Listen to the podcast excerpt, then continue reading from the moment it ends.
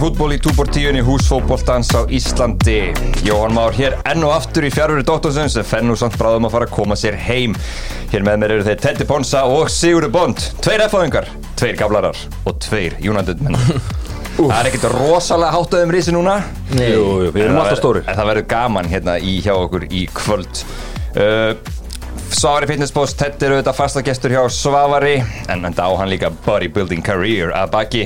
Mm. Endilega kikið til Svavars, hann veit hvað gera skal í nánast öllum tilfengnum, tilfellum. Er eitthvað sem þú mæli með Teddy?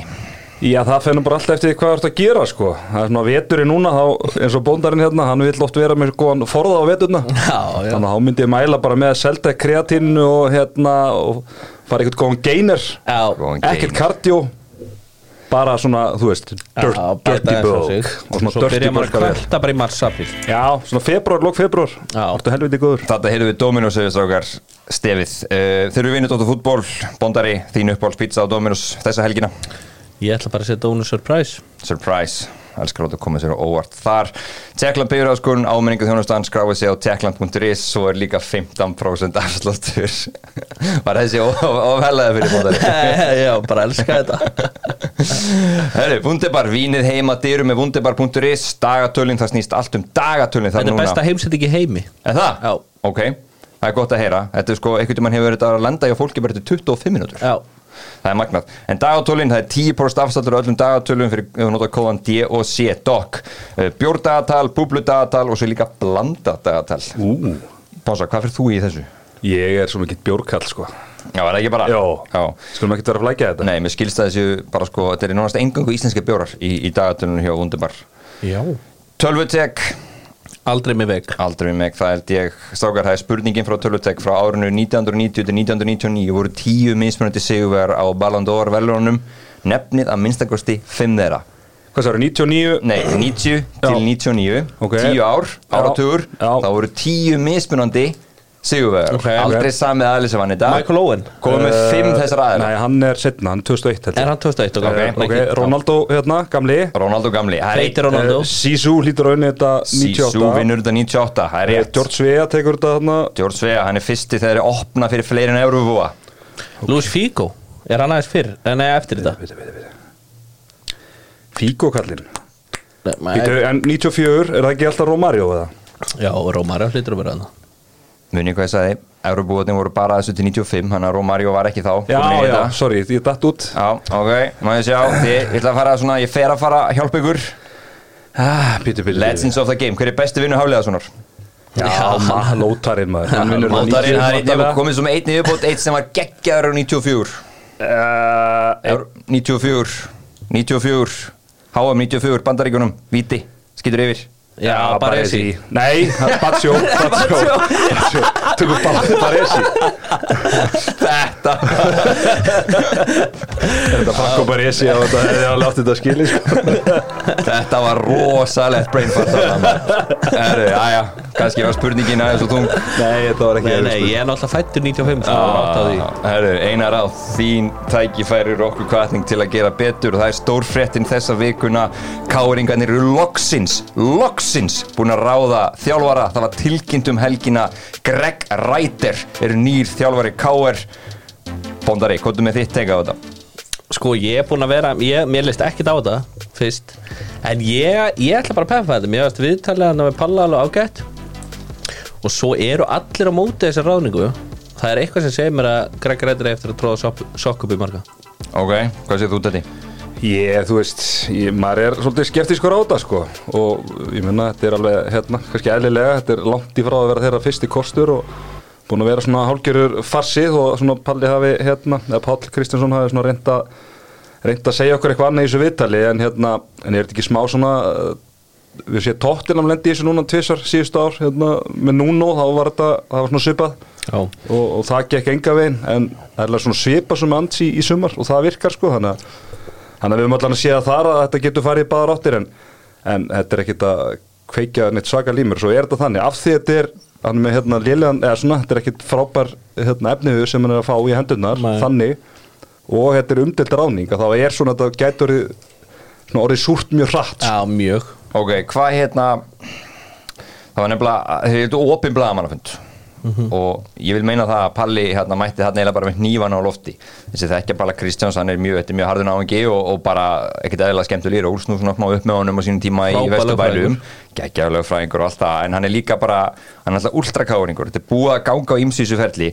Hann var svolítið að svara fyrir sig hann í gær. Mm við ætlum að spila viðtalsbútin eftir með honum en svona, hvað haldið þið ef þið fengið að gera þetta aftur, káringarnir ferli í hilsinni, haldið þið myndu fara í eins ferli með svona pínum fyrir opnum dyrum.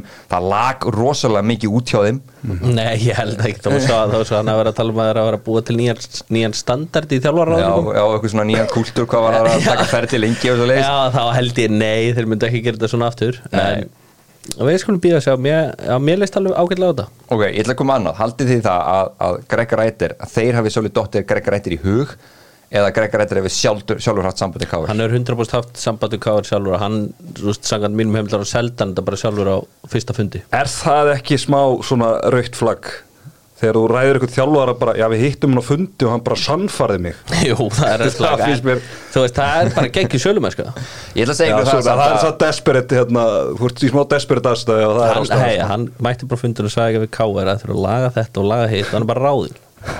Kongurinn Ég man þegar við riðum Óla Jó hjá Val á sínum tíma þá sem sagt, hætti maður ekki gilva og það var alveg bara tilkynnt að hann væri að hætta eftir tímabilið bara sko ég sé svona svipað með rúna núna.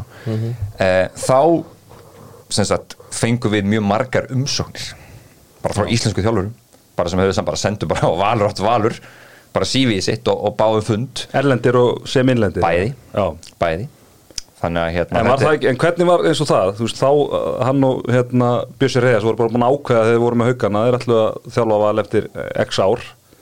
já, já, þeir voru þeir, Nálgust þeir ykkur eða nálgust þeir þá eða hvernig? Þeir voru snemma og ég get alveg sagt það Þetta er nú bara svona auka, auka sagði Ég meina, það voru margi sem vildur að Barry Smith Já, Skotan sem var náttúrulega leikmaður vals og íslmyndir val hérna Já. 2007 uh, og hann svona meldaði sig inn í þess að viðræður og menn voru mjög peppaði fyrir honum Börkukallin var mjög harður á að ráða Óla Jó og hlutabrinu Óla Jó voru ekki há á þessu tíma eftir þetta haukadæmi.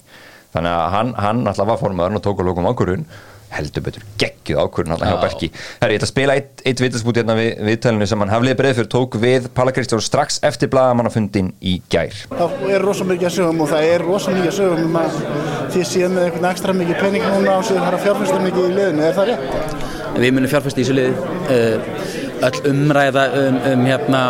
peningaskort eða hvað annað ég, hún trubla mér ekki neitt. Þetta er umræða sem er stýrt af, af þriðja aðeila, þetta er ekki umræða sem kemur frá okkur.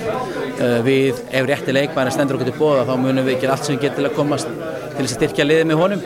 En þetta er eitthvað sem þjálfari þarf svolítið að leiða við munum bakka þjálfaran 100% upp í öllum sínum ákvörunum Ok, þannig er hann basically að segja það að K.R. er allt í nú búin að komast í gullpott komast ykkur álnir. Mm. vegna þess að það er heldur betur að vera þannig undanfæri misseri að þeir hafa ekki getað keft um stæstu bitan á markanum og bara, já, maður hefur heyrt jáfnvel sögursendur um, um að þessi svona, við munum í COVID-inu þá voru þeir í svona launamálum uh, töluðum hann gerir svona klásulunum það um leið okkur tekið berandi heima leikur kemur þá getur við borgað ykkur laun og okkur svo leið sem hann ekki nákvæmlega hvernig það var en þeir voru svona í smá brasi og það hefur verið bara þú veist, maður hefur heyrt að það hefur búið að vera peningabras það er greinlega eitthvað að, búið að breytast núna Já, en rættirinn að fara að fá alveg Já, styrking með við hvernig hann talar allan en svo hérna bara sjáu til þegar að hérna ég er aldrei þegar- fórum að tala svona sko. Það er alltaf allir blankir í Já, þessu. já, já, þetta já, er já. mjög sjálfgæft Já, já, það er allan að hann er ekkert bil um vendingastjórnun allan ef þetta er, ef þetta er ekki er rétt í honum sko en, en já, það er bara spurning sko er líka bara hvað púl hann hefur. Greg Rættir, skilur við, menna Já. þau voru að hérna kannski keppa við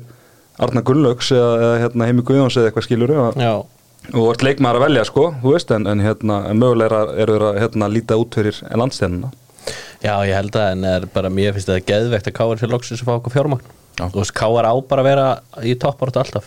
Þannig að mér líst bara mjög láta fjármagnir sagt koma frá bara fjársterkum einstaklingum sem er oft svolítið íslenska leiðin til að fjármagnir sér liður Já. ekki Europakefni uh, bara í loka, til að loka þessu máli hvað þarf KR marga leikmenn og hvaða leikmenn og hvernig tegundar leikmenn þurfa þeir til að geta að fara að slást við Viking, Val og, og Breiðablик um þessu eftir sæti. Og stjórnuna kannski líka. Ég myndi segja að þurfa að styrkja miðin á vörðin hjá sér. Já. bara engin spurning. Skur leikmenn í huga. Þú jafnvel, þeir þurfa náttúrulega nýja markmann líka. Þarf til að bara einnig hverja línu nánast. Bara þeir þurfa ekki, þeir þurfa ekki nýja frammeira Nei, ef þeir halda byrjunni breyka Já. ég meina allir síður hans hann var hann hætti að það bara í september. Þannig að það er spurning hvort að hann kom aftur inn. Það verður mjög mikilvægt Ég meina, þeir eru búin að hérna Theodor Elmar eða ekki, hann er búin að framleika Hann er búinn að framleika. Spurning, svo spurning Það eins og með og Kristinn Jónsson. Já, Já, förum við myndið þá eftir. Það voru sneiðar frá Palla líka á Kjartan Henry þegar það var að tala um Theodor Elmar Herrismir Heldur Það var heil terta. Já, við getum kannski, þú veist, ég hveit nú bara aðeins að hlusta á þetta skemmtilega við þetta Palli er mjög skemmtilegu náðingi hann, hann, þegar hann fer að tala þá segir hann oft meir en margir aðrir. Sá er örgulega búin að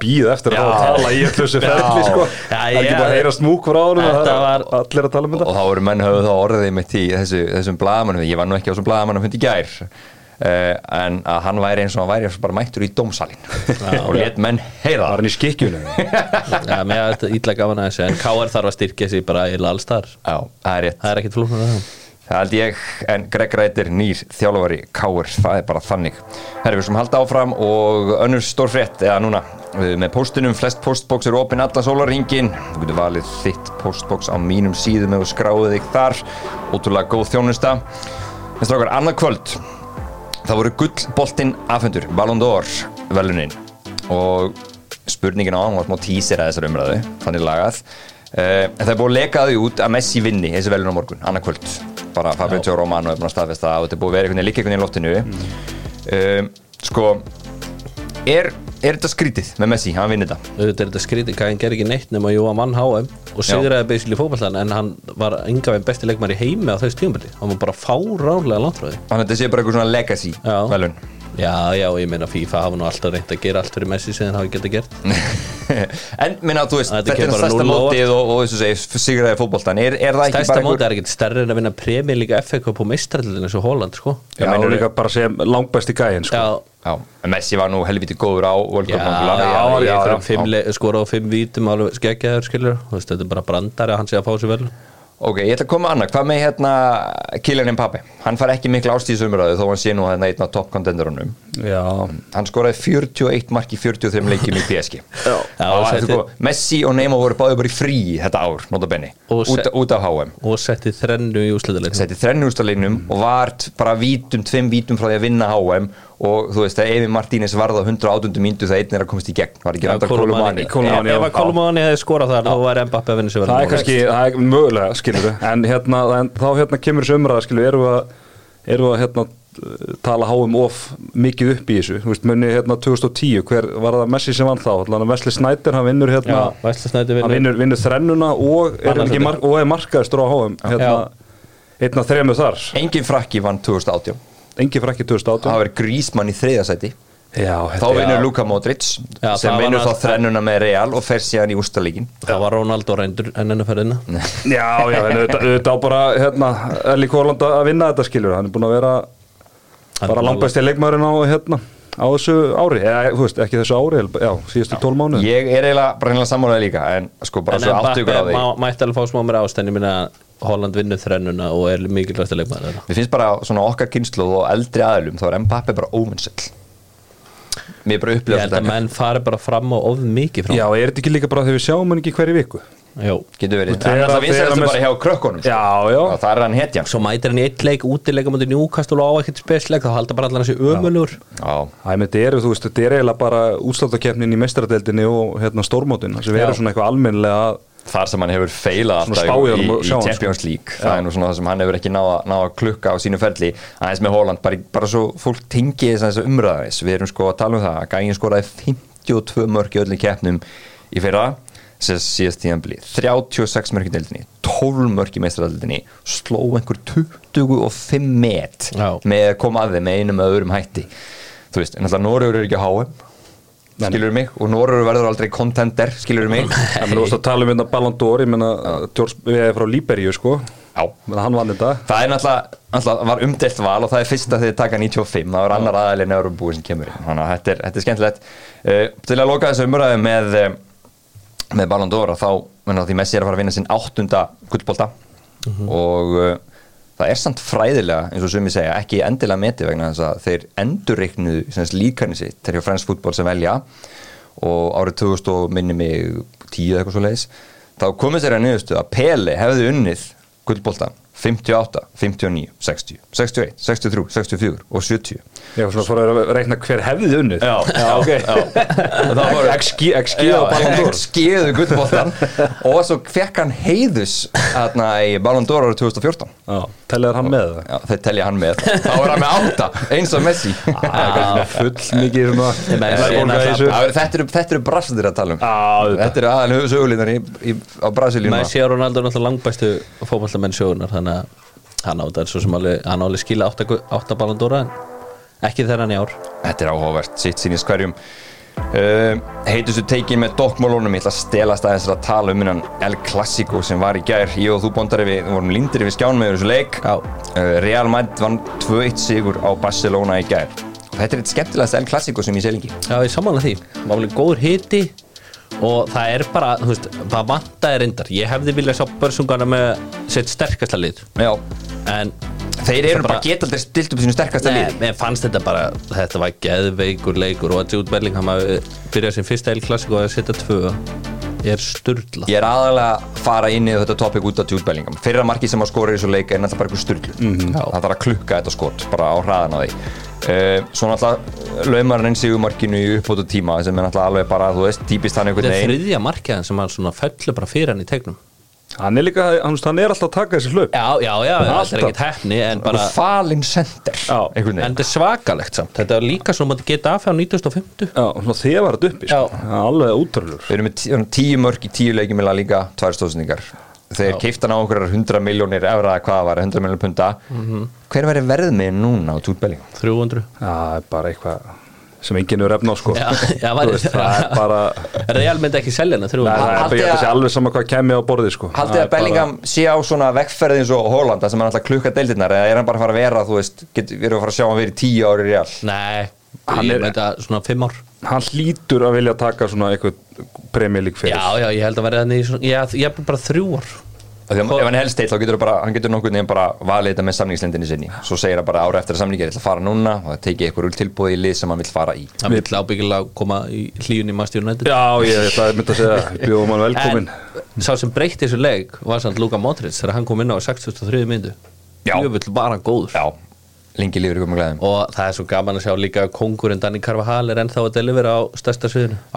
að að Hann er búin að delivera endalust fyrir þetta lið. En, hvers, en hversu góður kam að vinga í bakverðinu? Er alltaf að tala um hvað hann nennir ekki að spila bakverð Svo er alltaf geggjað þegar að spila hann sko, Kamavinga greið sko, hann er einhvern veginn þannig, hann er svona, einhver, sko, svona, svona svisnesku vasanhýfur hérna hjá, hjá Angelotti með tróð eitthvað út um allan völl sko, stundum er hann líka farin að spila stundum á kantinum. Þegar einhverju hallari þar þegar hann var að verjast sko. en Hann spilaði bara, hann kom, inn, hann kom inn á hann í setni og var ekki Fyrir Mendy. Yes. það er gaman að þessu skulum, ég ætla að segja hérna sögu líka hérna að Jósef Illich hann er byrjað að spila aftur fótballstrákar því munið eftir honum sko, er fernum fyrir Atalanta. Já, sem lendi í framhjöldinu hann framihaldið og, og bara andlegum veikitum í kjölfarið. Fór um djúpan dal og, uh, en það er gaman að segja fyrir því og þetta er svona eina af þessu sögum sem, sem eru góður í fótballtan stuðningsmenn Atalanta voru að spila uh, við Drumstum Gras í Europatildinni vikunni og 120 stuðningsmenn Atalanta tóku smá krók og ferðuðust til Maribor í slóinu til að hitta gömlu hittu Þetta er svo geðu mættu bara og hann hefur verið að glíma við þunglindi. Og hann byrjar að spila og skora í sin fyrsta leik aftur fyrir Maribor. Og þeir fóru bara hittu gæjan og spjöldluðu við hann og voru svona myndatökur og skemmtilegt. ást. sýndu honum ást á góða Hann er komið góða bumbu líka. Já, Já, ég svo það já. ég- Hann- Hann er tím tunna. Já, já, svona alveg Það er eiginlega eins og komið 6 mánu á leið. en djöfull heldur maður satt með honum núna. Já, í svona þetta er geggjað. Og Hann líka kom, þú veist, þetta var ekki feluleik með neitt hjá hann Þetta kom allt bara beint upp á yfirborðið. Já. Hann sagði bara frá þessu sem var ógeðslega nett. Já, þetta var í mitt hérna rífur hans er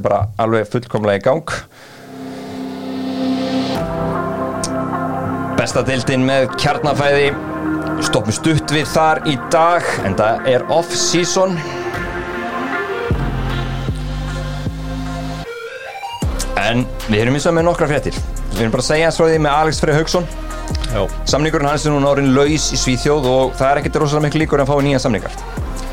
Hann vill vera áfram úti en uh, þú veist, náttúrulega ef hann fær einhvern alveg samning þá náttúrulega bara kemur hann heim áttur Stjarnan, Valur fylgjast bæði spennt með svo hefur maður með þess að heitt Víkingana líka. Og er nefnda í þessu sammingi já. Hvað myndið þið gerið þið var Alex, Frey Haugsson Ég myndi að fara í stjörnuna.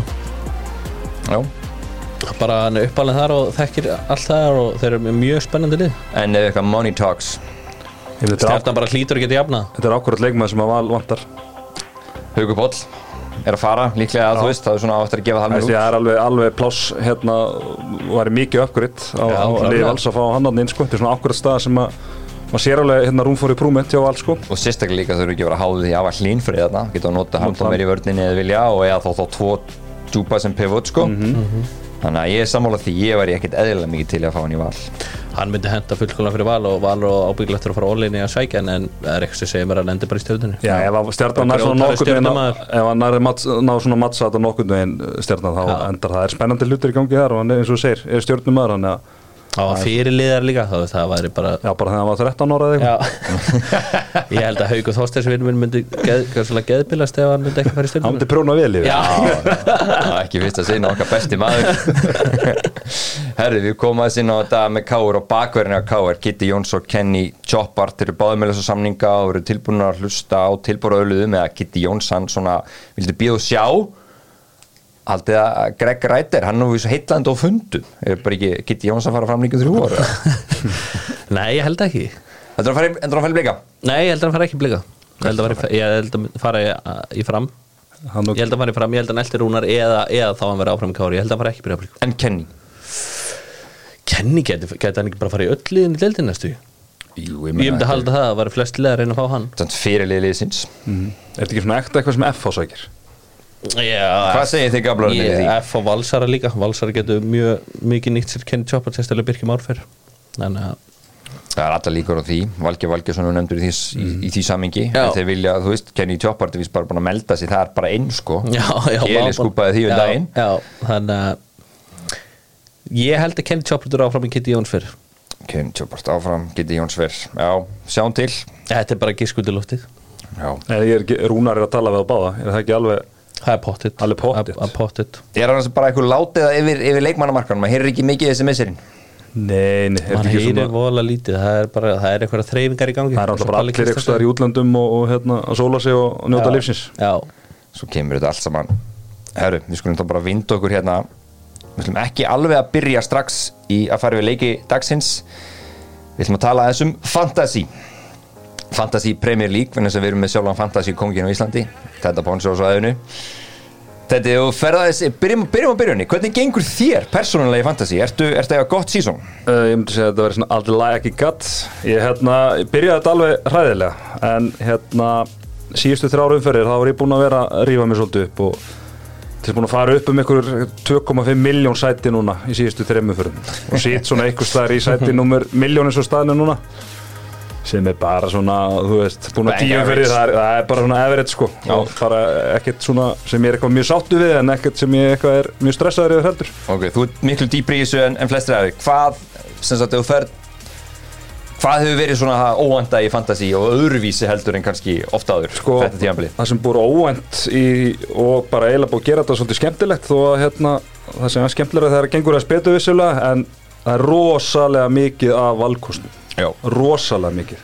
Og það er sko maður sér bara lið mjög ólík lið bara að vera, hérna, ganga bara mjög vel. Við erum að sjá lið án hérna Sala hérna lengi framan af. Nú erum við að sjá fullt að liðum án Hóland sko. Það er einhvern dotti það í hug fyrir tímabilið. Og það hefur bara verið kannski fyrir leikin í dag bara að virka þokkalega í síðustu umferðum. Þannig að já, ég myndi segja að það væri svona það sem er búið að koma manni svona skemmtilega óvart er svona, hvað maður segja, variansin í þessu er mjög mikil sko fórum um difaði þætti eftir daginn að XG tölfur hans Holland í síðastlinum bara þrema leikjum semst fyrirlið þá leikin í dag og leikin Já. í í meiri viku var bara mjög léleg Mhm. hann var bara, þú veist, hann var ekki að koma sér í hágæða færi Nei. sem er bara mjög nýtt að nálinni hjá Manchester City og maður var að velta fyrir sér að hverju en þú veist, þú tegur bara fyrir mörjunni þú veist, er eitthvað svona markmaður þú veist, er þetta ekki bara margir eru að róta þetta Ariola og Turner þú veist, Já, ég Það er, hefur ekki gefið mér neitt. Ég er eiginlega bara þar, það er engin markmaður að Er gera það neitt. nokkuð? Það er nefnilega bara málið Það er Þannig að enginn ég- að ása þannig að markmanninn. Ég, er á vel, ég var á velkarti núna fyrir þessa umferð og ég tók bara útresta spilandi markmannin svona sem getur eitthvað, það var Ari Óla sko. Þannig að já, er bara til að spara, spara nokkra dúllur sko. En er, segð mér eitt, ertu með Maguire í liðinu? Uh, Yes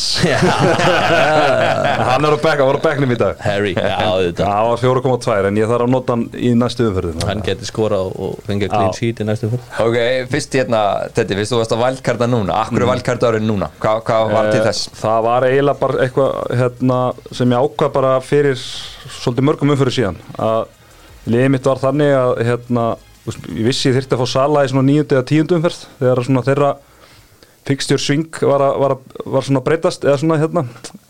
Og það er eiginlega sama með liðin svo Aston Villa og hérna já, Aston Villa, Arsenal og Liverpool. Þetta er svona akkurat moment þar sem að leikin er að vera góðir. Já. og liðið sem ég vann með áður var búin að vera svolítið góðu prógrami þannig að ég svona, já, eiginlega bara svona neldi þennan punkt og bara ákvaði að halda mig við það sko Hvaða leikmenn ber að forðast núna að þínu viti sem hafa verið mikið svona í margir hafa verið að velja, þú heldur að sé að vera að vera kaldir fyrir þá sem er að fara að velkarta eða breyta liðinu sín næstu viku Já, ég hefði sett bara Nembuemo en Náður það á eftir. Ég, ég seldi hann núna í, á valkarti en, en hérna þeir eru að fara í svona svo frekar erfitt program uh, þú veist þessi United gæjar sko bara, Forðast á þetta er bara búið Það voru margir, það voru mjög margir sem byrjuðu bæði með Bruno Já. og Rashford já, já, Bara- Sek, segur Ég líka. og ég var ekki, og ég var ekki að losa mig við það fyrir en bara núna bara á valkartinu Já, sko. það Já, Báða? Hvað sér ég? Báða? Ég var með báða, já Vá. Já, það var bara einhvern veginn, þú veist, það var bara næstileik og var brent úr teima og svo var bara Sheffield United úti bara, heyri, ég get ekki verið svona, ég get ekki verið svona miklu ummíkjar, Þeir sko eru búin að vera náttúrulega á geggjöður önni skilur þá er tala um leikilega síðan já, sko. já, já, algjörlega Svo hérna uh, Ég myndi aldrei einhvern veginn segja mönnum að vera án trippjör Ég er búin að vera með hann í síðustu umferðum og hérna búið að vera geggjað. En ég horfði á leikina þeirra framöndan og hugsaði að þetta var fýtt tími til að kvíla næðis bara til Ok. að eiga efna á öðrum gæjum sko. Já. Og hérna, já, svo þú veist, ég var með þrjá tóttina menn þeir eru svona að fara í tilturlærið program þannig ég minka þannig í eitt sko, bara með sonn en hérna, Það er, það er, það er, er djörf ákvörðun að vera ekki með Mattisson Já, já, bara það sem ég er að segja sko, þú veist, það er svo mikið að kostum í gangi já. að sko ég bara ég hef eiginlega alltaf spilað fantasy þannig ef gæin er að tikka fyrir mig þá er ég ekkert að selja hann sko. Nei. en núna er þú veist, bara eins og trippi er til dæmis bara fyrir, í fyrra, ég hef aldrei selt hann á velkarti en nú bara er svo mikið að gæjum að gera góða hluti Já. að þá finnst mér bara að reyna að keira á hérna leikjaprógrami sko. Að reyna bara þá og vera þá bara Of gott að dreifa álæðinu líka. Já, dreifa álæðinu og þú veist, það bara tók ég frekar, þú veist, Matti Kass og eitthvað svona gæða sem eiga Hann skiljaði clean sheet já, Simikas og, og Gabriel. Já. Gabriel er enda smá miskilningur en já, með Taylorinn á bekknum sem sett hann. Það. Fyrsta marki hans síðan í 2015 Takk fyrir góðan Takk, takk, hérna, ég og mín fjölskylda erum og þakklátt fyrir hans framlag þessa helgin Bondari, það er svo gaman að tala við þig um þetta líka vegna þess að þú að, held ég fyrstur allra þú bara exaðar Holland út. Já, ég sé mjög mikið eftir í dag í dag en, Í dag, en- Holland var samt búin að vera þú, þú veist, þú varst að tikka á öðrum. Já, og ég var- við erum saman er- í deildina ég- við þrýr ég er og svolítið- síðast ég vissi það varst þú á toppnum Já, það ég er ennþá á topnum Það er, það er alveg svo leik Kírón ekkert óttum með Nei, nei, nei. En Kírón er sko, nálgast þetta. Hollandið, þú veist, það var bara svo erfitt að justify hafa hana. Það var búin að horfa á alla sittileiki Það var það bara svo erfitt Það var mjög erfið ákvörðan takan og það var mjög erfitt að horfa á síðu sittileiki nema aðsannleikur hann var þægilegur. Ertu að fela það á bak við sófar alltaf þegar það er að spila? Ég, ég hef allavega ekki sagt það að pyrringurinn minn var svona 150 sinni meira á hann þegar hann skoraði 2-0 bara ég sturlaðist. Svo var meira sem er stottara líka í Vakabúns Já, það var brostið nú bara það var þetta nú bara búið. En En, en bara að því, þú veist að við erum að ræða þetta það er svo ógeðsla margir sem spila hann leik og hafa gaman að þessu og, og missa pínu viti yfir honum. Hvað gerðuru til þess að þú tókst Holland út? Hvað varstu þá að hugsa að geta sett inn í staðin? Ég var að hugsa til að koma Sala inn aðalega til að koma Sala inn auðvitað og Son. Báðum. Já, þannig ég er með, ég er með Mattisson, Son, Sala, Saka. Já, já, Svo átti ég reyndar Þú ert lélegasta með tra- fjóra þarna alla saman. Annars kemur þessum náttúrulega ekki inn nema að hafa nema að vera með laus, lausa fjármunni í, í hver er það fram í það þá? Ég var með, ég átti lélasta transfer þessa viku, ég var með Joao Pedro sem spilaði tíu myndur í dag og Ollie Watkins, ég var með Alvarez á bæknum Harður Mér hefur fundist frammeirarnir vera mesta svona enigmað í þessu fantasíu núna. Já. af því Óli Watkins ger ekki raskat til að byrja með Nei. voru líka erfiðu prógrami Svo allt í einu bara, bara poppa hann upp. Já, svo poppaði Julian Alvarez upp Já, sem, sem valmöguleiki og alltaf með Holland. Það er svona erfitt að hafa tvo sittimenn Já, Veistu hvað ég meina? já, já. Eða samt, nei, nei, mér finnst það var reyndar Ef, það nei, bara ef þú veist að það er einhver gæi fram á sem byrjar alla leiki á sitt sko, það er bara nóg fyrir mig. En þá kemur pepprúltan samt inn í þetta. Já, en hann, hann er bara búin að býrið, sko. Býður spilar eftir því að það er settur á bekkin En svo Darvin, náttúrulega núna En það er alltaf svona smá rotation yfir honum, sko. En ef hann var í alveg neldur í þessu leipúli þá var ég mjög mikið að Alltaf. horfa á hann, sko. Já, þetta er, þetta er áhugavert. Uh, Einhver ráð, svona loka ráð að við förum yfir, yfir í leiki hérna, leiki dagsins eða helgarinnar? Já, bara, þú veist, vera tilbúin að hérna, bara vera svejanleg sko. Og hérna horfa á, þú veist, hérna spotta, spotta í hérna pikkin áður en að þau eru kannski fara í detti eitthvað svona geggja prógram. En það þýr ekki að skamma pónsuna ef það klikkar. Nei, og svo þýðir líka ekki að vera of alvarlegri í stundum eins og Ponsan. Þýðir ekki, Stundum þarftu bara að fýblast aðeins og hafa gaman að þessu og setja inn óvænt pikk þetta er skemmt helviti mikið að helgum hjá mér núna. Já, ég trúi því. Eru það hafa verið margir göngutúrar? Já, þetta að fara í ansi marga og, og fjölskyldufundir? Já, Já, en þú ert að stúsa við. Það er gaman að þessu. Nú skulum við fara í sjálfa alvöruna. Enski boltinn með Fíl Æsland og Verdi ferðum. Það eru bestu boltaferðunar á, hjá Verdi ferðum. Við verðum að byrja þetta í Manchester. Og uh, þar uh, komið sitt í heimsókn Old Trafford. Leikar enduð 3-0 Manchester United byrjuð ágætlega. Það eru margir að tala um vítaspyrnudómin Strókar, bara ykkar upplöfun á þessu atviki. Byrjum að þér Pónsson, hvað við sér sko þetta er náttúrulega bara eitthvað eitt mest soft víti sem ég bara hef, hef séð sko. Já, og hérna, og mér finnst eiginlega svona mest dæmi eða svona gott dæmi um það er að þegar að hann hérna er að Tyrni er að sendur í skjáin að myndislan það veit engin ákvæði að vera að dæma á skilur þú veist, yfirleitt þegar hérna dómar að fara í skjáin þá er eitthvað replay í gangi og svona verið að sína þannig að það sér, hérna sér engin eitt en jú, jú, ok, Holland, nei hérna Hólund þetta er svona lazy varnanleikur sko, Já, alveg, lazy og, og svona einhverju liti býður upp á þetta. En sko, maður væri kannski aðeins minna trilltur ef að hérna Master United hefði fengið víti á Emirates í Hólund aðtökjunu þar fyrir hendina á Romero í, í, á móti Tottenham og svo hendina hérna á Joel Ward á móti Pallas sem er mér finnst allt vera meira víti þetta var, þetta. var líka svona í fyrra. Já, þetta er, þú veist, varið er svona, þú veist, er þetta eitthvað svona clear and obvious eða? Alls ekki, eh, eh, sko á við sko, Guardiol brýtur Rashford og blokkar hann og það sama um John Stones og Maguire í þessu, í þessu atviki. Þegar, þú veist, og, og John Stones er að blokka Maguire sem að myndi annars elda Rodri hann inn. Þannig að þetta er bara steipu dóms aðeins bara samt, sko, við ættum að skoða söguna með þessu eins og ég gerum, ég skil alveg hvað þið meinið Já. með þessum, þessum, dómi í sögunni. Það er samt svona ákveði bara sem maður lærir í þú veist, hvað séu, sjöttaflokki eða eitthvað ekki missa mannin fyrir fram að þig. Já, Hólum, þetta- er- leysi vartaleikur og, það er hérna það er hérna, þegar þeir frjósa myndina í vorinu að þá er hann með hendina svona á honum og maður sér að hann stretsast Já, en er, já, er samt bara svona smá. Er ekki og þá svona er leggja bara meira svona og þá og, og, og lóan á opaslega, var þetta ekki, ekki Rodri? yeah. klókur, klókur Rodri. Bara búm, sorry kallið minn, ég finn niður. Já, já, bara drullu- klókur og ég hefði pottit vilja fá víti hinum megin sko. En þetta er bara sams na, na, veist, þetta meika bara engan sens allar þessar ákvarðanir sem að dómarinnir er búin að taka þetta tíumbil þetta er bara steipa þú veist það er engin lína. Engin, þetta var aldrei víti í Premier League bara í gær sko. Ok, herru, en meir um hennar leik, auðvitað, þú veist sitt í svona einhvern veginn, þeir náttúrulega situ, settu svolítið eh, stigu svolítið bensingjörn eftir þetta atvik. Og mér varst að taka einhvern veginn öll völdu veldin menn þess að Júnat byrjaði hann að leika ágætlega. Já, já, Já, og þeir voru einhvern veginn, maður ma sá, maður fann að þeir voru að komast í svona ákveðna stöður.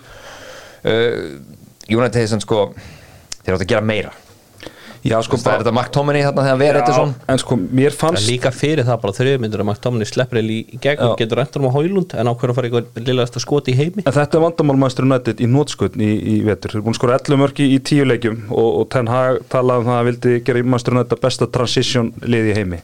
Já, já, Þeir fá oft stöðunar í svona tækifæri til og hættulegast af Manchester United hefur verið Marcus Rashford í þeim stöðum. Hann er bara alveg átt Já, og svo er oft bara svona ákvörunatakan í, í þessum momentum, bara eins og í byrjun Hólund að sendi ekki á Rashford taktu bara sensin á þessari sendingu skilja Já. það er að hæja á allt, þú veist, alls konar svona sem gera það að verkum að, þú veist, þeir eru oft í, í fínu stöðum en svo kemur röng ákvörun og við erum búin að sjá þetta bara í alla vetur heila sko. Já, þetta er Ég bara held- umöld að horfa á þetta. Ég held ég myndi missa vitið alltaf ef ég verið United maður að horfa upp á þetta að horfa upp á Martial kallinn trítla inn á ég er bara maður er bara í Það væri sambandi bara- maður, er- maður er hættur að einhvern veginn að kippa sér upp við þetta sko.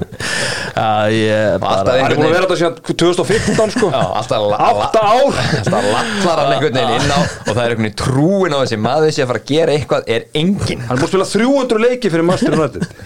Pælið því, Herri, ég verð að spurja núna vegna þess að- ég hef sé meis og mátt spila marga góða fótballaleiki Djöfull finnst mér að vera off.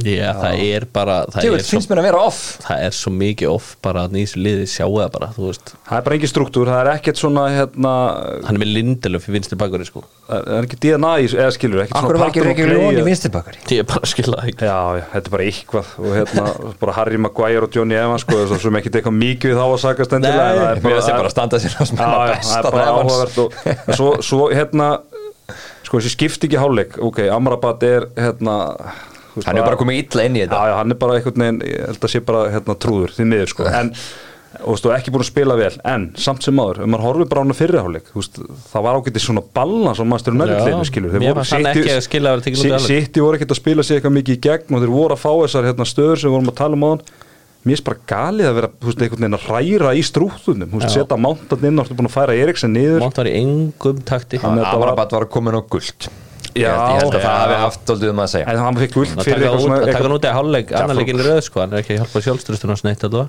Nei, þetta var eins og þessi Haaland, auðvitað, setur tvö. Mér varst besti leikmaður uh, United að vera Andri Onana, hann var tók þarna tvær flottar öslur eina geðveika á móti Hólund var líka góð framan af. Já, hann er svona nú þarf hann aðeins að fara þetta end produkt að að fara að delivera þar sko. Þegar hann Það- komst Hann í mætti, samt alveg- fara að fá eitt færi sko Já, já, þú veist, það er svona hérna, hann færa neitt færi, vissulega John Stone aðeins hérna, Já, í hann já. og ég er ekki bara að tala um sko, að skora líka bara eins og hérna, Eins og hann gat- taka hann bara svona, svona ákvörðun Já, taka hann, já. sko. Þú veist, En- hann, er átt í góðum stöðum sko. En án þess að við ætlum eitthvað að fara að tala of mikið um domgæslun og hvað allt er á móti Manchester United Hvað fannst ykkur um þegar Grílis kildi Amrabat í bringuna Og og svo fyrir Amrabat spjald. Já. Já, já, Það- var einhver svona það var hérna- ótrúld komedi. Já, en það, það, var, sko, það var búið að vera eitthvað vesen í gangi á öllum hann Þeir voru eitthvað búin að fara að hausi Amrabat og gult svona. líka. Nei, nei, Fóten og þeir Amrabat Þeir byrjuðu sko. Já, Nei, en, en nei. samt sem áður að hérna, en, uh, það þarf rosalega lítið til að er endli brotni, En ég meina, það er bara, á United eitthvað eiga reka til hag sko nú erum búin að vera, hvað, í rúmlega árum með liðið. Hversu oft hefur þú bara verið að horfa í United leik og bara liðið vel? Þetta er alltaf, ef þið vinna þeir vinna aldrei með meira en einmarki.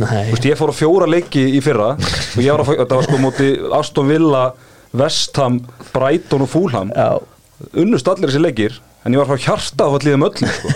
skilju, það er hann vantar þetta, þú veist. Já, já. jafnvel meira segja þegar þú voru að spila vel að bara hérna að drepa leiki sko. Ég spurði það þessi síðasta þætti sem ég var með hérna, hvenar var United síðan sannfærdi sigur og bondarinn gæti ekki einu svona það grafa var upp. 3-0 á móti Pallas í hérna, deildabíkarnum Já, einmitt, já, já, En já, og við getum talað um í deild já, já, en ég sá hérna uh, bara tölfræði, bara ólíkunum Solskjær og, og Ten Hag. Uh, ég held að svona stærsti sigurinn hjá Ten Hag hafi verið svona 12. eða 15. stærsti sigurinn hjá Solskjær þar sáðu oft 4-5-0 já, já, hann var á flottri vegferð með þetta leik Við skulum gera þetta áfram. Það var uh, Nottingham Forest heimsóttu Anfield uh, fyrir í dag. Og margir leikir á sama tíma í dag uh, þannig að það var svolítið erfitt að fylgjast með þessu öllu saman. En afar sannfærandi sigur hjá Liverpool 3-0 lokatölur uh, Dominik Stopuslægi var frábær í liði Liverpool í þessum leik. Það var hans besti Klikkað. leikur. Um, Mér fannst svona bara eitthvað eitthvað, eitthvað tekur þessu leik, voru ekki bara liður ekki Liverpool bara á, á ótrúlega flottur önni núna? Já, þeir voru samt ekkit eitthvað frábæri í fyrri hálfleik sko, það er bara hérna en, en eftir að þeir komast yfir að, þú veist, þeir voru alveg með stjórn á þessu leik þeir voru ekkit að skapa sinni þannig færi sko, en eftir að þeir komast yfir að þá er þetta aldrei spurning. Talandi um fantasy þá var Sala pick of the week hjá nánast öllum. Já og deliveraði að lókum Það fekk hérna helviti þægilega gjöf frá, frá törnur Já, það var rosalegasta útlöp sem ég sé lengi. Guð minn góður, hvað var maðurinn að gera? Herðu, svo langar maður að segja geggi hokkistóðsningi á Sala í, í öðru markinu sem Darvin Núnin skorar Já. sem Slobasa leggur upp. Ógeðslega nýtt. Tímasetningin og bara þetta er svona sem Hólundið þarf að læra. Já, og Diego Sjóta sem skoraði fyrsta markið uh, mögulega byrjaði hann leikin í fjárfið Luis Díaz. Já, bara það. en, og var nett fagnæðans já, einmitt. Fóröldrum uh, Luis Díaz var rænt. Helviti, kól, kólumbíst eitthvað. Já, hrikalegt maður, hann hérna móðurinn er nú komin í leitinar Já, var ekki pappin laus líka. En hann er komið, það, það var Ha? allavega var það að koma? Eftir eitthvað, ég las það á hann eitthvað Eftir eitthvað shootout, þá bara á hann að vera frelsaður sko, en Ha, kannski bara var það- eitthvað, var John McCall bara ringdur út eða? John McClane. Nei, John McCall equalizer Já, ok. Denzel. Við vonum allan að það besta en þetta er rosalegt allavega. Já, ég kannski var það fake news sko, ég veit það ekki. En Þetta las ég á Það var- Herðu, við skulum næst kíkja til Lunduna og gerða árin Arsenal 5, Sheffield United 0 uh, Bumbubóltalið á móti ykkur alvöru fótbóltalið Jú, ætla er þetta Sheffield United lið, sko, að United hafi þurft eitthvað skot fyrir þetta teik frá Diego Dalot á 80. mínúti til að klára þetta rusl og það er með ólíkinn Það segir allt sem segir að það Geta ekki neitt. Nei, það var eins og að væri svona sex deildir á millisaliða Já, ég ætla að segja ykkur það að maðurinn sem er vorkinni mest af öllum í prem er kýperinn hjá Sheffield United, Fóðeringham Já, hann hann, er er ekki- einhvern veginn, hann, mér finnst hann að standa svo ofta ágætli í leikjum samt einhvern veginn gerir hann ekki annað en að hyrða boltan á netinu Hann, sko. ge hann gefur svo alltaf all- eitt, eitt um öll í leik sko. Já, já, en það er að því þú veist, þið náttúrulega bara, þú veist, svo er með ykkur sko alltaf svona fjóra-fimm öslu líka. Já, já. Þetta er alveg galið. Þetta er náttúrulega bara umurlegt lið. En geggjaðu sigur í Arsenal og en Ketja sko þriðamarki hans úf, Já, hann var með sjálfstraust. Já, Fyrsta og þriðja marki er mjög virkilega vel gert alvöru, alvöru strækilsmörk, sérstaklega og þetta er náttúrulega þetta skot hjá hann, náttúrulega frábært. Uh, Er þetta svona blessing in disguise að en geti að fá bara rönn núna? Hann vilist alltaf tölfrán í honu sína ef hann fær rönn þá skorur hann. Þetta er bara eins og Arnarsveit Gesson sagði hann, hann vildi frekar spila en Ketja en Gabriel Jesus. Já, en hann í- eftir, daginn eftir að hann kom þetta teik var Jesus geðveikur á móti Sevilla sko. Já, og í meistaldinu svo meintist hann þar sem er svolítið saga Gabriel og Jesus ég myndur að segja að hans framist að þar hafi verið betur en Keti á móti sem tölvöld mér afreikað sem hann gerir heldur en Keti í þessu leik. Já, já. En Keti, hann. Hann þó hann sé ekki að skora mikið Martinelli er miklu betri þegar Jesus er Já. völlum heldur en Keti hann er vinnuð Til þjarkur dæmis. en Gabriel Jesus, það er rétt. Herru, það var áhvert, það fengum vítaspinnu ég beðið þegar Kai Havers kalli myndi fá að taka aftur víti. En nei, þá tók Fabio Vieira vítið. Það er ekki langt sem hann hefur Hann skorað. það fiskaða. Hann fiskaði það næstur í rauðinni En sko, ef Eddie, kallin eða fengið að taka það hafði verið þriðmaðurinn í sögu prem hjá Arsenal til að skora fernu. Vitið ykkur hinn þeir eru? Þetta er gisk á Týri Henry og og. Arshavin Arshavin Arshavin, já, á móti Liverpool. Segir þarna Á móti vel gert. Liverpool. Móti Leopold, frægi leikurinn þar. Virkilega góði sigur hjá Arsenal. Skulum halda okkur í London. Og það var Lundun og slagur þar í gær. Chelsea gegn Brentford. Hörmungar minna manna halda áfram. Og Thomas Frank skráði sig í sögubækunar Hann er fyrsti þjálfurinn í söguprem til þess að vinna alla þrjá fyrstu leiki sína á Stammabrits Thomas Frank. Já, það er Hann rosalegt. mættur ykkur 66 og ykkur norður dressi. Og deliveraði svona. Ég veit ekki hvort ég að hlæja gráta. Þetta var, þetta var, ég horfði á hann leik. Ég líka. Og veistu að Brentford átti ekkert skilja vinna hann leik. Chelsea voru góðir í Til fyrra. voru drullu góður í Cole Palmer var bara eins og örfættur til brunni hérna á miðinni Cole Palmer er, er það sem svona uh, gerir maður glaðan sem Chelsea mann í dag það er ekki mikið en Já. þau kaup virka vel Já, ég er með tók hann í Fantasy 4.9 og var sæmilega trilltur að hérna, þessir, hérna samspilar hans hafa ekki nýtt allan eitt af þessu færum Já, og ég trúi því en sko þessi fyrirgjöð Mboimo í þessu marki á Íðan Pinnok Geðveik. er sturglu Já. Það er bara sturglu og, og sí, sko, sko það var eins og hann væri búin að hlaupa í svona 300 metra hann í þann pinnok og hafa flugbröðin var svo svakalega hann að líka við sko hann reif næstu í markið sko við skallanum. Herru, ég veist að það komin á eitt. Það er hérna það er svo sem búið að tala um þetta áður en það sést núna að þessi kaupsetna Chelsea búin að eða hjarta í rosalega marga leikmenn en frammeira valmjögulegin eru Nicholas Jackson og Armando Broca Broca er efnilegur alltaf meittur Nicholas Jackson er í besta falli sæmilega efnilegur leikmaður. Ekki, og ég meina sæmilega. Hún er engin greiði gerður að þurfa að byrja alla leikið þarna. Nei. það verður miklu betra fyrir hann að vera með eitthvað eh, svona topp og kannski vera um kungu það þegar hann kemur tilbaka. Það verður náttúrulega að geta orðið svona impact og bara ekki með þessa pressu á sig Já, sko. það var allt annað en þetta er náttúrulega tjöfull var hann lélugur í gær. Ömulegur og bara, bara mjög slagur í flestu leik sem ég hef séð og ég sagði nú að þetta væri held ég besta transferi á þessu ári. Ég held ég hef sagt það í ágúst. Já. Leit hrikalega vel út á Já, byrja, hann byrjaði samt alveg, þú veist, þetta- er oft svona þegar sjálfstörstu fer niður, hann byrjar í, öllum, í fyrstu leikjunum og þá er hann hendúl hann er að koma sér í 2-3 færi í hverju meinasta leik. Já. en það dettur ekki og það er svona eins og það sé svona aðeins var að hérna, setjast á sálunán því að hann, hann, hann var bara ekki með. Maður sá Cole Palmer vera að hrauna yfir hann Já. í leiknum í gær.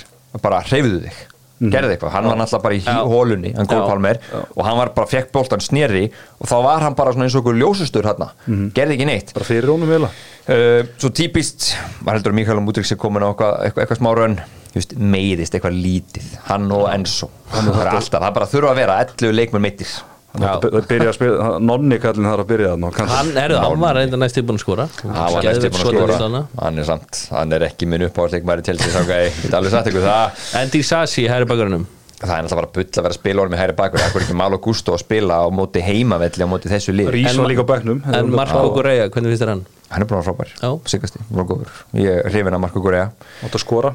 Já, hann átti að í Aston Villa, þeir eru eitt heitasta lið í ennskúrastildinni Þeir uh, fengu Luton í heimsókn og maður vissi einhvern veginn að þetta myndi vera örugur sigur. John McGinn, Musa Diaby og svo sjálfsmarki á mínum uppásmanni Tom Lockyer. Sá ekki, hann á ekki að vera í prem. Hann gerði ykkur en fyndi markjá sem Luton skorar, það er sjálfsmarki á Emi Martínez, er maður að sjá það er eina marki sem ég sá ekki Já, það er Esi Konsa er að skalla tilbaka. Já. og þetta er bara sko, skallin alltaf bara eins og það sér hann að skora fyrir í slána, hausin og Martínez og inn. Ég bölva þessu en sá svo minn maður Matti Kassa hefur verið tekin út af mínútu áður Já, það voru fleiri sem fögnuðu það en sko, það sem ég fannst fyndast í þessu leik var þegar Andrew Townsend og Tahi Chong kom inn á saman. Já, ætli það sé ekki ætli það sé ekki bara einhver versta, verstu tvær skiptingar í Já. sögun í Premier League? einhvern mest að þrótabú bara Já. yfir það er, er eflust mikið til því en Aston Villa með bara- geggjað heimarekord. Ég bara vissi ekki að Andrós Townsend væri í Luton fyrir en bara þú varst að segja mér það núna. Hann, hann kom með kompa, það, hann var líka bara sænað bara í síðasta mann, hann var frí transfer en Aston Villa líta bara fárálega vel út og þetta er skemmtilegsta lið, mér, svona áhors fyrst Já. þetta skemmtilegsta lið til eiginlega búin að taka við af Já. hvað það var þar Já. og er mitt gerðu 1-1 jafntefli við Fulham í dag þeir eru að ráða illa við 50. fótboltan Brighton það er líka meðsli og uh, Evan Ferguson kom uh, Brighton á bræðið flott svona sendimark hjá honum en geggja mark hjá sjá Palinja sem er langbæsti leikmaður fúlam það er ekki flóknar en það og uh, þar við satt Brighton sem töluvert sterkari í leiknum. Hvað hefur meir eftir, við verðum að tala um Bormoth Burnley. Loksins datt sigur hjá Bormoth og guð minn góður, við erum bara að tala um þetta hérna viku eftir viku, þeir verða að hætta þessu Burnley, þeir eru alltaf klukkaðar á einu vallarlega mikið og fá mark í baki á Já, að Charlie- bæði mörkin. Charlie Taylor náttúrulega verið hátt upp eftir markið sitt og er hann að gefa, bara markið þarna hjá sem hann næja skorar sá var ánaður maður, hann trúði sig ekki, hann skoraði hann Jelly Taylor. Hafa ekki ekki markið sem er næja og svona að gera sjálfur. helling. en Og s- setja kannski bara Já, það er bara grín. Það er bara- Sér Trafford þetta í alvöru basli og Philip Billing samt með geðvegt skot. Já, já, en, en, en þú veist Það er bara 60 grána, bara loppa hann Haldið að hann hérna hefði fengið hann, ég er Óla, hefði fengið sparkið, hefði dabast Já. Hefði verið ekki unnið kannski. Já, ég, ég held það. Það var einhver smá orðumur um að þetta væri leikurinn sem hann ætluði svolítið að láta þetta ráðast á en þannig var en er ekki hiti komin á Vincent Kompany Svo nú vantar okkur kela hérna sko. Það hlýtur að vera komin hiti maður það er að heyra að það séu ekki góðar hérna í ekki góðum óralík í klubnum og svona. Þetta sem fara að setja svolítið á sáluna mannskapnum. Mm. eittu miklum peningum. Og maður sér ekkert seipa á þessu liði. Maður veit ekki hver er fyrstu 11 á þessu liði. Það er alltaf einhverju nýjir sem dúku upp. Allt og stór leikmannahópur. Ég meina heldur móralskan daginn á mætti þrýr það segir allt sem segja þarf. Það er það er lið sem fellur. Það er staðfest. Já, guð minn góður. En þú veist, ég held samt að öll þessi liðarna fjögur næstu Þetta er umtlað fjögur lang liðlegustu liðin að þau séu mjög ánað að það sé allan þetta sé ekki bara þrjúlið, heldur, heldur fjögur. Þannig að það er alveg það er mikið það, sér er, sko. ég meina, það eru þessi liði eru, veist, Börli Luton, þú veist, þau eru bara einu sigri frá því að komast upp á fattsetti Já, ég held að, ég- held að það haldið svolítið svona lífi mannskapnum. Herru, Wolves Newcastle, frábæð fótballtaleikur sem fór fram í gær. Uh, Newcastle komst tvissum yfir og rosaleg tölfræði sem hann er með hann Callum Wilson. Hann er með 7 mörg á 423 myndum Hvað segir, já, sjö mörg á 423 myndum hann bara er, er að spila þá skora hann. Já, þetta er sko eitthvað 1,49 mark per 90 Já, rosalega Svakalegt. tölfræði en þetta finnst mér talandi um ódýr víti þetta var aldrei víti sem Newcastle fekk í þessu leik. Aldrei, í lífinu. En hvað í ósköpunum var leikmaður Vúls að gera það? Hvangarinn Hvað var það? En hann bætti svo sannarlega fyrir það. Já Þetta er svona, fram, svona framherjar að verjast eins og við sáum á Old Trafford. Þetta svona getur að svona að sástafleg, það var ekki það Já. það tók sér bara alla tími heiminum að koma þessi burtu var, þetta, var, þetta var svolítið lúalegt en Já. ég er með softspot fyrir Wolves þeir eru einhvern veginn, eh, af því þeir voru sko þeir, allir heldur var bara að fara við þvílingum skít sko, en Gary O'Neill hann kann að sjóða saman lið. Þetta er bólta Já, þeir meina eins og við sáum á Old Trafford og líka á móti heldur Manchester City þeir voru frábæri báðum þessum leikjum. Já, þeir eru mik miklu skemmtilegir enn í fyrra. Samt svona eiginlega með, með samali reyndar hérna netto náttúrulega mikið sem er náttúrulega bara þeirra langbæsti gæi náttúrulega mikið mittur í, í fyrra og mittist reyndar núna í þessu leik aftur en hérna það lýsir skora ekki fæst mörk í deildinni fyrra. Þeir eru miklu Já. svona miklu jákvæðara núna heldur en þú veist ekki búin að raðin mörkum það var þetta samt. Þeir eru mjög svona búin að vera underachieving í, í XG-inu já, bara skemmtilegir Já. mörgu liði En þetta 2-2 mark hjá Chang er geðvegt Já. hvernig hann touchar hann á vinstri þú, uh, Já, móti líka þessu liði. Newcastle maður fann það í Newcastle og Eddie Há talaði um þetta leik þarna er meistaradildin byrjað að tikka inn. það, líka þungu völlur og, og svona kera trippir þetta er bara uh, hérna, slagasti leikur sem maður sé hann spila í, í langan tíma, hann var alveg mjög ólíku sjálfur sér. Já, og ég meina hann er ekkert búinn að vera, hann er svona í grunninn að spila alltaf á, á sama liðinu, svona tvíkar örlítið til, hann er alltaf með sömu varnalínuna og svona nánast Bruno og Longstaff er alveg búin að byrja alla þessa leiki. Og svona aðeins rútar þessu fram á þeim. Hann að hann að þetta er farið að sí alveg, alveg klálega Þetta er bara Almirón sem er eiginlega í einhverju róti þarna. Og Wilson. Þetta er þú Já, og Wilson og hérna, Ísak eiginlega bara spila þegar hinn er mittur sko. þeir eru Já. búin að vera báði mittir en einhvern veginn það er alltaf hérna, hitt þannig Já. á að annar er sér hitt sko. Nefnilega ekki gott fyrir að missa tónalið þó svo hann hafi ekkert komið eitthvað svakalega vel inn í þetta. Nei, það er þeir, þurfa að sko. fara á markaði núna í, eh, í janúar, ég held að það sé alveg klárt mál. Það eru slum keirið áfram, Krista Palas Spursás, þessi leikur var á föstudaginn. Kunnulegt stef Hansson minn og James Madison. Já. bara kláruðu þetta. Batman and Robin. Já. hérna, þeir eru sko báðir með sko, Sonny kom með 8 mörg og eina stóðsendingu og Madison með 3 mörg og 6 stóðsendingar. Þetta eru 18 mörg, sem sagt goals and assist að millið þess að þekka leikmanna þetta er rosald kombo. Já, geggjær. Og sonn eftir hann hérna hann færði hann upp á topp af, kantinum, hann var búin að vera bara besti leikmann deildarinnar. Já, heldur betur. Um, Everton á móti Vestam heldur þessi sérsta leikunni sem við förum yfir núna. Þetta var óvæntur sigur í Everton. Ég sá þetta ekki í kortónum ég Nei, veikina ég það. alveg sammálaður þar. Þeim er búin að vera með trúðin Jordan Pickford í fantasy-leginu sem er nýjum umferðir og svo hendur hann í ísitið sitt þarna. Fauka aðeins í mig ég veit ekki. þú meintir þetta. Þetta er Theodór. Sko, Everton var samt góður í þessu leik sko. en, þú veist, þetta er bara, þetta er svo magna, magna hvað þetta er óspennandi þetta lið. Sko ef þið ná að halda Dominic Calvert-Lewin heilum. Já, og eru með hérna Dukure, Onana þú veist þessa, þessa leikmenn sem eru svona alvöru fullvasa kaldir og, og eru bara fínir premium í lík leikmenn þá á, þá, já, það til dæmis þá eiga þær ekki að vandra Nei, nei, Nei, En sérðu vörnina?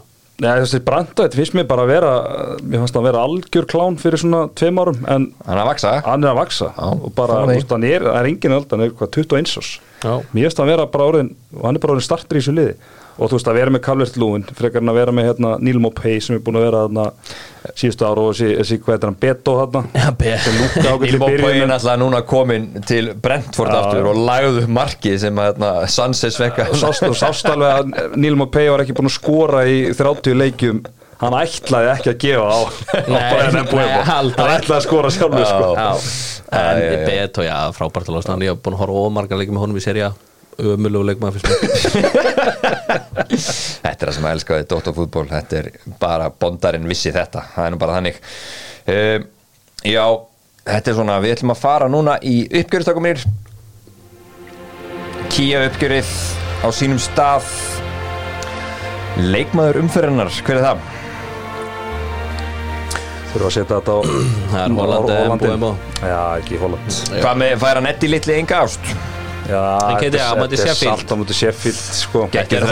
Holland, er búin að vera kaldur mætur Old Trafford, setur tvöðalegur beitt Erling Brod Holland fær þetta. Það er bara þannig, það er ekki náttúrulega kaldur með nýju nýju fyrir það leik.